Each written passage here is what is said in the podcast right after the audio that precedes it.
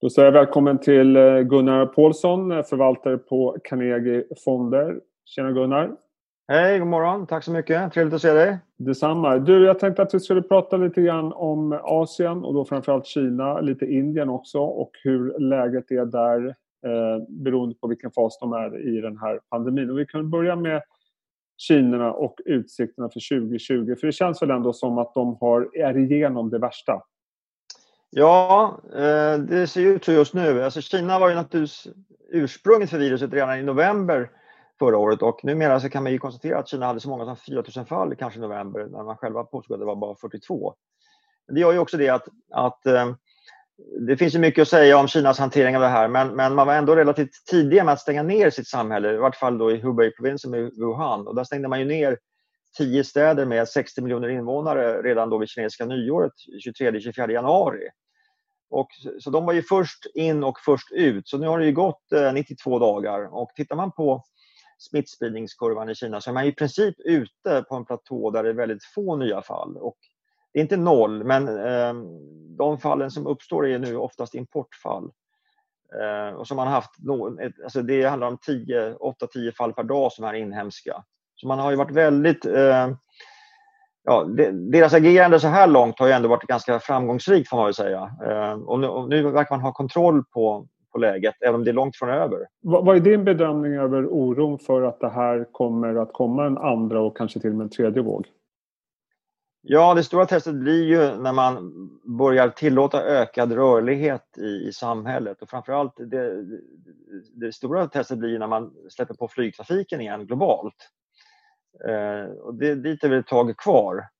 För nu är det fortfarande så att Kina har ju ökat, eh, öppnat upp Wuhan här för några veckor sedan och man tillåter resor in och ut.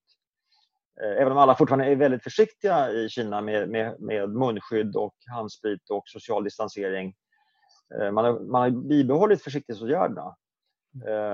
Men gränserna är, gränserna är fortfarande stängda. Man släpper inte in folk. Det var ju en incident här för någon vecka sedan vid ryska gräns, Kinas gräns mot Ryssland. Där hade man ju öppet och då fick man direkt i den staden eh, smittspridning vilket gjorde att man var tvungen att stänga ner det, det området. Så det, det, här, den här kampen är långt ifrån över. Mm. Eh, men det som är positivt för Kina är att man nu under, under slutet på mars och under april har kunnat eh, börja återgå till mer normal ekonomisk aktivitet. Eh, och det var ju helt nödvändigt eh, efter så lång nedstängning. Och, och de här äh, att man nu kan återgå till någon form av normalitet. Hur, hur syns det i siffrorna om vi till exempel tittar på kapacitetsutnyttjandet? Ja, alltså i mitten på, eller början på april man, man släppte ju på då i slutet på mars och sen efter ett par veckor så, så, så, kunde man säga att man var på två tredjedelar av normal ekonomisk aktivitet. Och det, mm. det är inga siffror som man får från myndigheterna. Man kan, man, kan jämföra, man kan titta på energiförbrukning, man kan titta på trafikflödena i städerna, man kan titta på kolförsäljning och den typen av indikatorer. Men nu så skulle jag säga att man är nog tillbaka på så mycket som 85-90% av normal nivå i ekonomisk aktivitet. Det vill säga hur många mm. som kan gå tillbaka till sina fabriksjobb, hur många som kan arbeta, affärer och restauranger är öppna, eh, trafikflödena är på igen. Eh, så, så, så långt eh, är det rätt då, men det innebär inte att allting är normalt. För det, som, det, som, det som kvarstår är ju att resten av världen eh, är i ett helt annat tillstånd med, med nedstängningar i Europa och USA. Så Kinas exportmaskin eh, hackar ju och en stor del av kundkretsen eh, har, ju, har, ju, har ingen efterfrågan. Va? Så att, att, att, man har fått tillbaka fabriksarbetarna är ju bra men om man inte har några order så ser det fortfarande illa ut för, för små och medelstora företag i Kina. Och hur ser konsumenten då? Hur agerar de nu när de börjar släppas ut på gatorna igen? Har man sett någon eh, förbättring i konsumtionen? Konsumtionen har ju återhämtat sig bättre så inhemsk mm. efterfrågan eh, ser ju mycket bättre ut än exportbilden. Så att man kan ju se exempel från olika provinser att restaurangerna nu får besök, även om man, man har social distansering och man har utrymme mellan borden och folk använder munskydd även där. Men affärer och restauranger, restauranger har ju öppnat.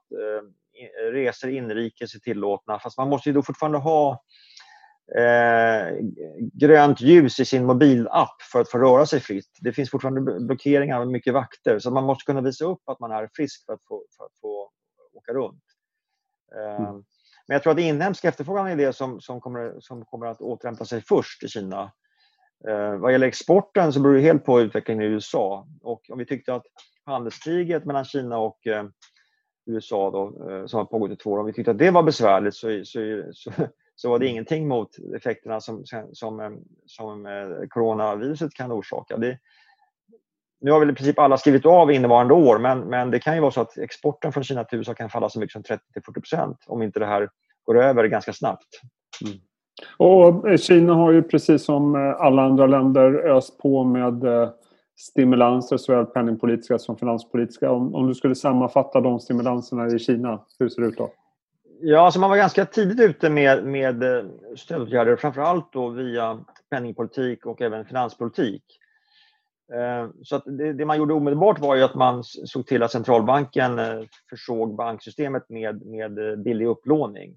Så syftet har ju varit att, eller är att, att använda banksystemet för att se till att Eh, förse företagen med, med, eh, med kapital under den här tiden när man var tvungen att stänga ner. Eh, och det har väl funkat hyggligt då. Och, och, och, det övergripande syftet har hela tiden varit eh, arbetstillfällen, att, att, att säkra sysselsättningen. För att när man har ett system som man har i Kina med ett enpartisystem så, så, så social stabilitet och sysselsättningen är centrala för att kunna bibehålla makten. Man har varit väldigt oroliga då för att det skulle bli massarbetslöshet i små och medelstora företag. Eh, så man har ju sett till att företag med många anställda, framförallt de statsägda bolagen, har ju fått se till att betala ut löner trots att man inte har någon verksamhet. Och det har ju finansierats via banksystemet. Det man också gjort då i finanspolitiken det är ju att man har gett stöd, direkt stöd. Man har, man har sänkt eltariffer, man har sänkt olika typer av avgifter för att underlätta för företagen. Däremot så har man inte kommit med några stora stödpaket, eh, typ det vi har sett i USA. Ehm, om du jämför med vad Kina gjorde 2008-2009 under, under den globala finanskrisen, då hade man ett stödpaket på 4 000 miljarder kronor. Vilket då motsvarade 14 procent av BNP. Och det var ju mycket pengar som gick till infrastrukturinvesteringar. Den typen av pengar har vi inte sett än. Ehm, men jag tror att det kommer komma mera åtgärder här. Man var ju tvungen att skjuta på partikongressen som normalt hålls i mars varje år. Ehm, det kommer nu komma i början på juni. Där kommer det komma mer stödåtgärder och de kommer förmodligen vara riktade just mot inhemsk konsumtion, vilket är ett område där man kan påverka. Så för att nämna ett område, jag tror man kommer att avreglera och underlätta för fastighetsköp. Så att, eh, byggnation och fastighetsköp är ett område som, som kan få rätt stor påverkan på hur BNP eller hur ekonomin utvecklas. Och om man då försöker summera de här stimulansen men också det vi har sett eh, med ökat kapacitetsutnyttjande och konsumtion och så vidare. Hur, ser prognoserna ut för tillväxten innevarande och nästa år? nu fick vi ju siffror här för några veckor sedan att BNP för första, första kvartalet föll med 6,8 procent. Och det är ju den sämsta siffran som man började mäta det här i Kina. Så det är ju, men det var väl i, helt enligt förväntningarna. Man vet om att, att det var nedstängt i nästan två månader. Mm. Um, de prognoser som jag har sett på BNP, normalt sett, ett normalt år så växer Kina med 6 eh, per år. Det är helt avskrivet. Eh, de prognoser som jag har sett nu är att, att i bästa fall så kanske Kinas ekonomi kan växa med 2% för det här året. Men jag har även sett andra prognoser som, som, som säger att eh, det blir, helt, det blir ingen tillväxt alls i år. Nu, nu tror man att Kina kanske kommer att lägga ett mål ett tvåårsmål på tillväxten, att uppnå 5% tillväxt över 20, 2020 och 2021. Eh, vilket ger lite mer utrymme och mer flexibilitet. Men, men det är lite pinsamt för Kina att det här händer just nu, för man har haft ett mål att, att dubbla sin ekonomi från 2010 till 2020 och det målet kommer nu haverera. Jag, jag tänkte att avslutningsvis vad gäller Kina, om man tittar på hur börsen har agerat så blir det intressant att titta på också hur det har sett ut vid tidigare eh, liknande kriser. Då sars ju en av dem. Hur tycker du man kan, vad man kan säga där och kanske också om värderingen av börsen just nu? Värderingen är ju låg. Eh, även om vinsterna också kommer att påverkas. Vi kommer ju, vi kommer ju se stor påverkan på vinsterna i år. Det, mm. det är inte, eh, det är inget tvivel om den saken. Eh, så värderingen är ju nere på, jag tror en standardavvikelse under normal nivå. Men då har vi fortfarande revideringar kvar på företagsvinsterna för många sektorer. Ehm, men Uh, ursäkta, vad var din första fråga? Ja, om man tittar på också hur börsen har uh, ja, agerat. Här, har ja. vi ju sett, här hos oss har vi sett snabbt fall neråt. Sen har det återhämtat sig väldigt snabbt. Ja, uh, så mycket enligt vissa. Men om man tittar på Kina och jämför med till exempel hur det ser ut under sars-utbrottet. Ja, just det. Jo, men det är en intressant jämförelse. Det var det, det, var det första jag tittade på redan i, i början på februari när, när det här började utveckla sig. Jag kommer ihåg, jag hade sars i färskt minne och det var ju 2003. Mm. Så nu är sars av en helt annan omfattning. Sars, eh, vilket också är en allvarlig sjukdom, där var det 8000 fall globalt och 800 döda. Så att initialt eh, när eh, covid-19 kom så sa man det, men sars hade mycket högre dödlighet på 10% medan covid-19 låg på 1,5-2% kanske. Men nu vi, kan vi konstatera här att, att covid-19, här har vi ju passerat 3 miljoner smittade globalt mm. och över 200 000 döda, så det är en helt annan skala på det här. Ja. Men, så det börjar med att notera det. Men, men tittar man ur finansiell synvinkel och hur börsen har agerat så är det, så är det slående likhet, i alla fall så här långt, vad som har hänt. För att SARS kom i, i november 2002 och det var färdigt i juli 2003. Börsen föll 15-20 eh, från mitten på januari 2003 till mitten på april 2003. Och när, när det gäller Kina och ett, ett, om man tar ett regionalt Asienindex den här gången. Eh, vi vet ju att, att eh, coronaviruset covid-19 eh, kom i november men kom till allmän kännedom först i mitten på januari. Eh, och nu, nu befinner vi oss i, i slutet på april. Och, eh, tittar man på smittspridningskurvan i Kina där man stängde ner ekonomin 23 januari nådde sin peak Eh, i början på mars och så nu är man i princip ute ur smittspridningskurvan så är det exakt samma mönster som vi hade under sars. Sars så, så bottnade börsen när momentet i smittspridningen avtog, vilket då var i slutet av mars den gången, början på april. Och det är exakt samma mönster nu, att när vi ser att momentet i smittspridningen avtog, då bottnade börsen, det var 17 mars eller 18 mars i, eh, i år. Och sen har det ju varit en, en, en rätt stark återhämtning, inte bara i Kina utan även globalt. Men det är fortfarande så att eh, hur man än räknar, vilken dag man än tittar så har ju kinesiska börsen, eller kinesiska aktier i Hongkong klarat sig betydligt bättre än både amerikanska och europeiska och inte minst svenska aktier. Så, att, så, att så långt är väl, är väl eh, beskrivningen likartad. Det man kan lägga till där som en bisats är väl att 2003 så hade vi en, en incident som vi inte har nu och det kanske vi ska vara tacksamma för. Och det var ju USAs invasion av Irak där i april-mars 2003. Vilket märkligt nog ledde till en stark börsåterhämtning. Men det var ju för att det såg som en, som en lösning på 9-11 och det, det problem som uppstod efter, efter den, eh, den attacken i USA. Tycker du att äh, återhämtningen på den kinesiska börsen är motiverad eller ser du fortfarande risk äh, framöver? Jag, jag, tror ju att, jag tror inte att det här kommer vara ett, ett, en trend som går spikrakt upp som en V-formad återhämtning. Jag tror att vi hade en kraftig eh, nedgång på börsen, både i Kina och globalt. Jag tror fort, fortfarande på sambandet att när man ser toppen på momentet i smittspridningen då drar man en lättnadens suck initialt och så får man en återhämtning. Och då återhämtar man. Och det, är, alltså det, det är helt enligt manus. Det är som om alla i finansbranschen satt och läste samma bok.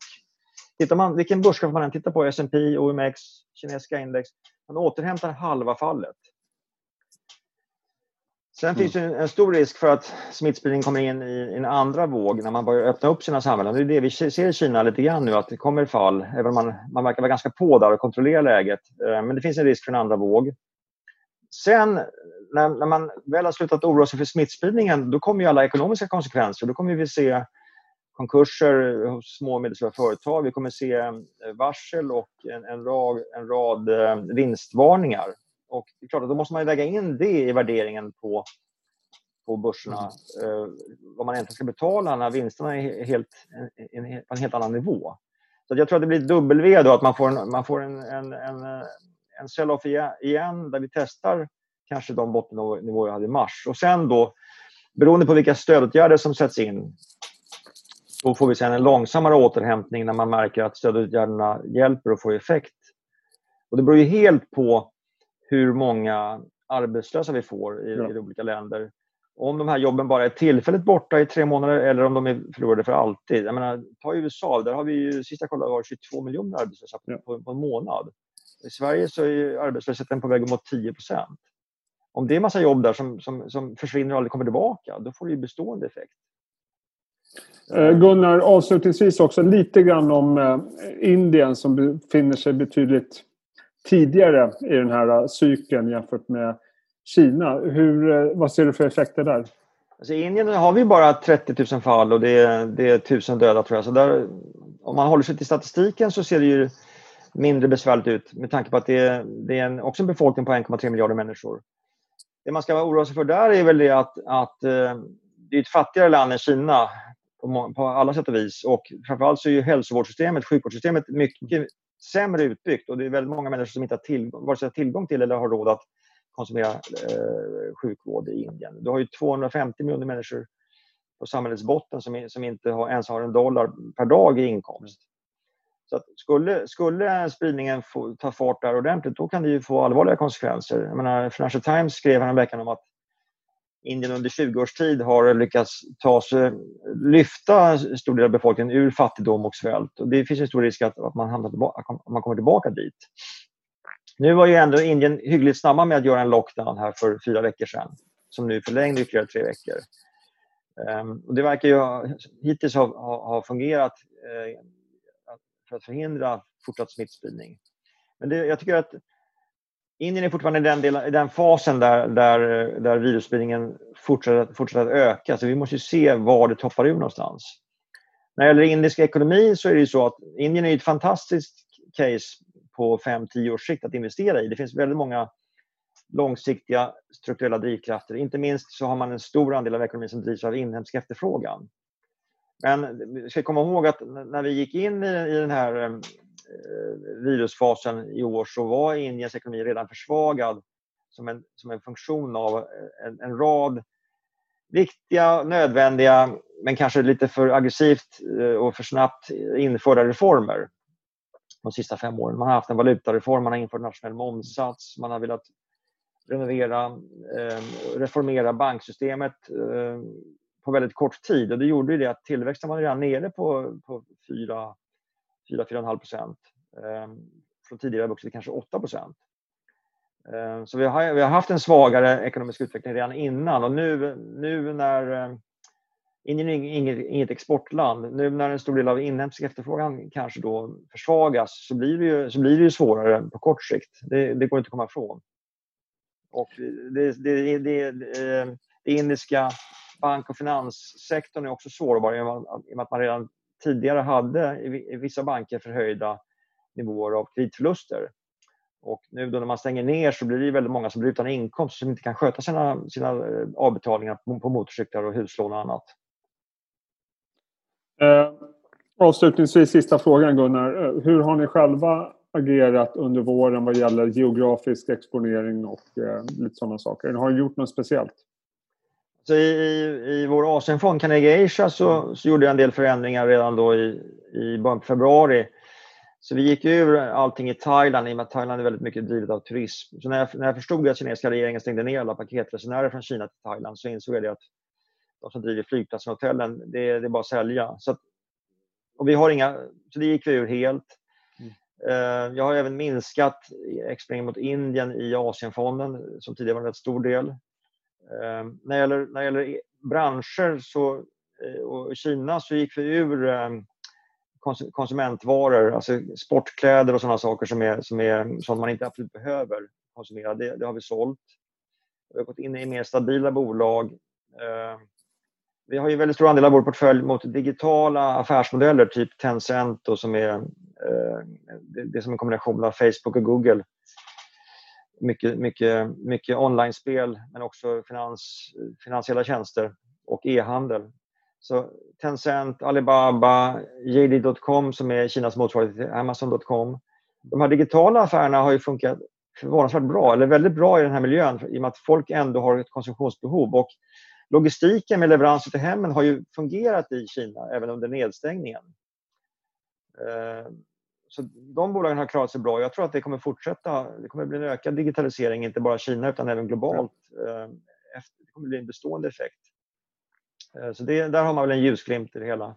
Så vi har valt mer defensiva bolag, bolag som har förmåga att överleva och bolag, framförallt bolag med låg skuldsättning är viktigt i den här miljön. Bolag med lägre risk helt enkelt. Gunnar, eh, tusen tack för att du tog dig tid. Väldigt intressant att höra och se vad som händer med eh, Kina och den asiatiska marknaden framöver. Tusen tack och ha en bra dag. Ja, tack själv. Sköt om dig.